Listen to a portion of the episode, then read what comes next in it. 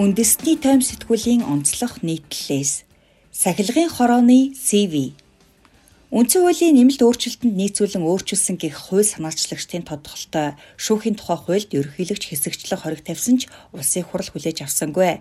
Ингэснээр энэхүү хууль 3 дугаар сарын 1-ээс эхлэн хэрэгжихээр боллоо.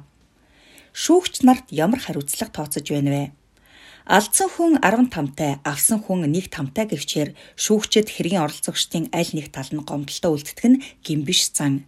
Шүүгчдийн дураараа байдлыг таслан зогсоож тэдэнд хариуцлага тооцдог болгохоор аюулгүй байдлын зөвлөөр шүүгчтэй хариуцлага тооцдог хуулийн орчныг төрийн 3 өндөрлөг бий болгож 17 шүүгчийг ажлаасанд түлзүүлэн шалгасан. Гэтэл тухайн шүүгчдээс 13 нь гин бурууг нь тогтоогдсон билээ. Энэхүү хуулийн зохицуулт нь шүүгчдтэй хариуцлага тооцох гэхээсээ улс төрчид өөрсдийн үгээр асуудлыг шийдвэрлэхэд цаад зорилго нь оршиж байсан гэвэл илүү оновчтой болох үзье. Тэр ч зориг бийсэн мэд шүүгчдийг айц хүйц давтуулж ерхий сайднаар нөлөө бүхий улс төрчдийг барьж хориулж бүр яллуулсан нь улсын хурлын сонгуулийн өмнөх үйл явц.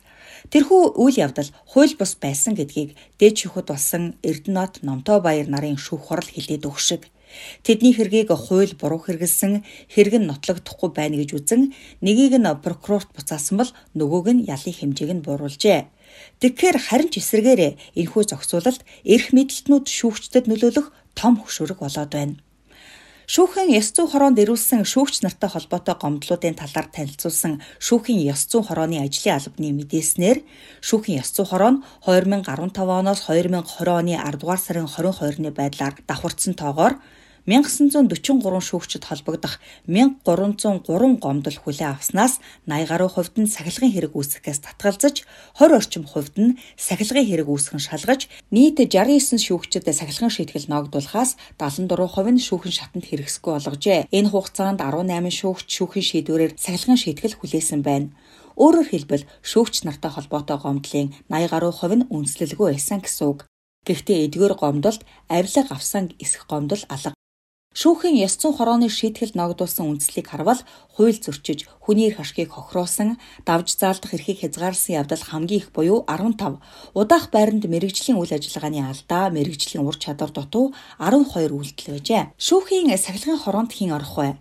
Тэгвэл удахгүй мөрдөгдөх шүүхийн тухай хуулиар шүүгч нарын асуудлыг сахилгын хороо хянана. Энэхүү сахилгын хороо нь 9 гишүүнтэй байх бөгөөд 5-ыг улсын хурлаас томилно, үлдсэн 4 гишүүний нэгийг улсын дээд шүүх, 2-ыг давж заалдах шатны шүүхээс, ахуй шатны шүүхээс нэгийг томилно. Эдгээр шүүгчдэд 10-аас доошгүй жил ажилласан сахилгын шийтгэл хүлээж байгаагүй шалгуур тавьжээ.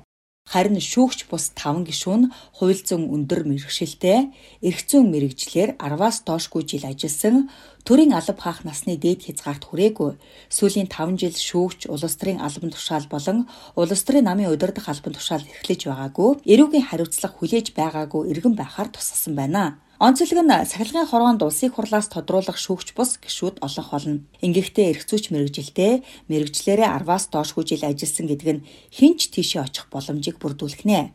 Сургуулийн төгсөөд хуулийн зөвлөхөөр 10 жил ажилласан байхад л асуудалгүй шаардлага хангана. Аль ч намд энэ шаардлагыг хангасан хідэн зугаараа тоологдох этгээдүүд бий. Хэдийгээр тэднийг нээлттэй сонгон шалгаруулалтаар тодруулан томилно. Хэн нэг нь бас өөртөө бие даан нэр дэвших эрхтэй гэдгээр хууль боловсруулагчид улс төрчдийн нөлөөнд автахгүй үндслээ тайлбарлаж байгаа ч үнэн дээр тийм биш юм. Үүнийг Монголын үндэсний олон нийтийн радио телевизийн үндэсний зөвлөлийн томилгоноос харж болно. Тэнд хэн хэрхэн томилогдож, эрх буй намд үйлчилдэг, бусдад хаалттай газар болон хувирсныг бид харж л суугаа. Ийм л юм болно. Тиймээс улсын хурлаас томилогдох сахилгын хорооны гишүүдийн CV ямар байх нь ойлгомжтой боллоо. Намаас санхүүждэг судалгааны нэртэй төрийн бус байгууллага элдв холбоодын эрх зүйч мэрэгжилтэй хэний хинүүд байх нь. Төгсгөл биш эхлэл Энэхүү хууль ердөө сарын дараа хэрэгжиж эхэлнэ. Түүгээр хин хин шүүгчдэд сахилгад хариуцлага тооцох вэ гэдэг нь тодорхой болно. Шүүгч нартай холбоотой асуудлыг шийдэх нэрийдлэр үндсэн хуульд нийцүүлсэн энэхүү сахилгын хороог улс төрчдөөс ангид байлгах бос нэг эрх мэдлийг нөгөөд булаах үйл явц боллоо.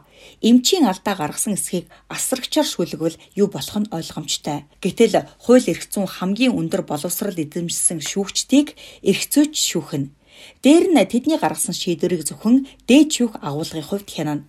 ийм тохиолдолд сахилгын хороогоор дамжуулаад шүүгч нарт нөлөөлөхгүй гэх баталгаа алгаа. Тэр тусмаа сонгуул ойрцсон үед өнгөрсөн жилийн шиг өрсөлдөгчөө хэрэг тохоод хориулаад байвал яах вэ?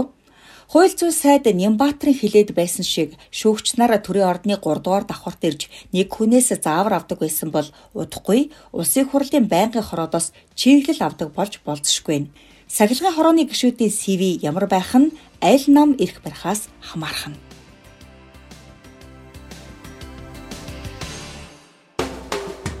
Итгэж болох экссурулж.